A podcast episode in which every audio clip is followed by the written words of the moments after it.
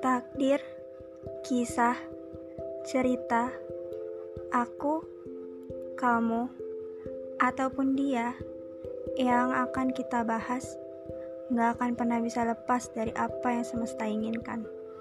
thank you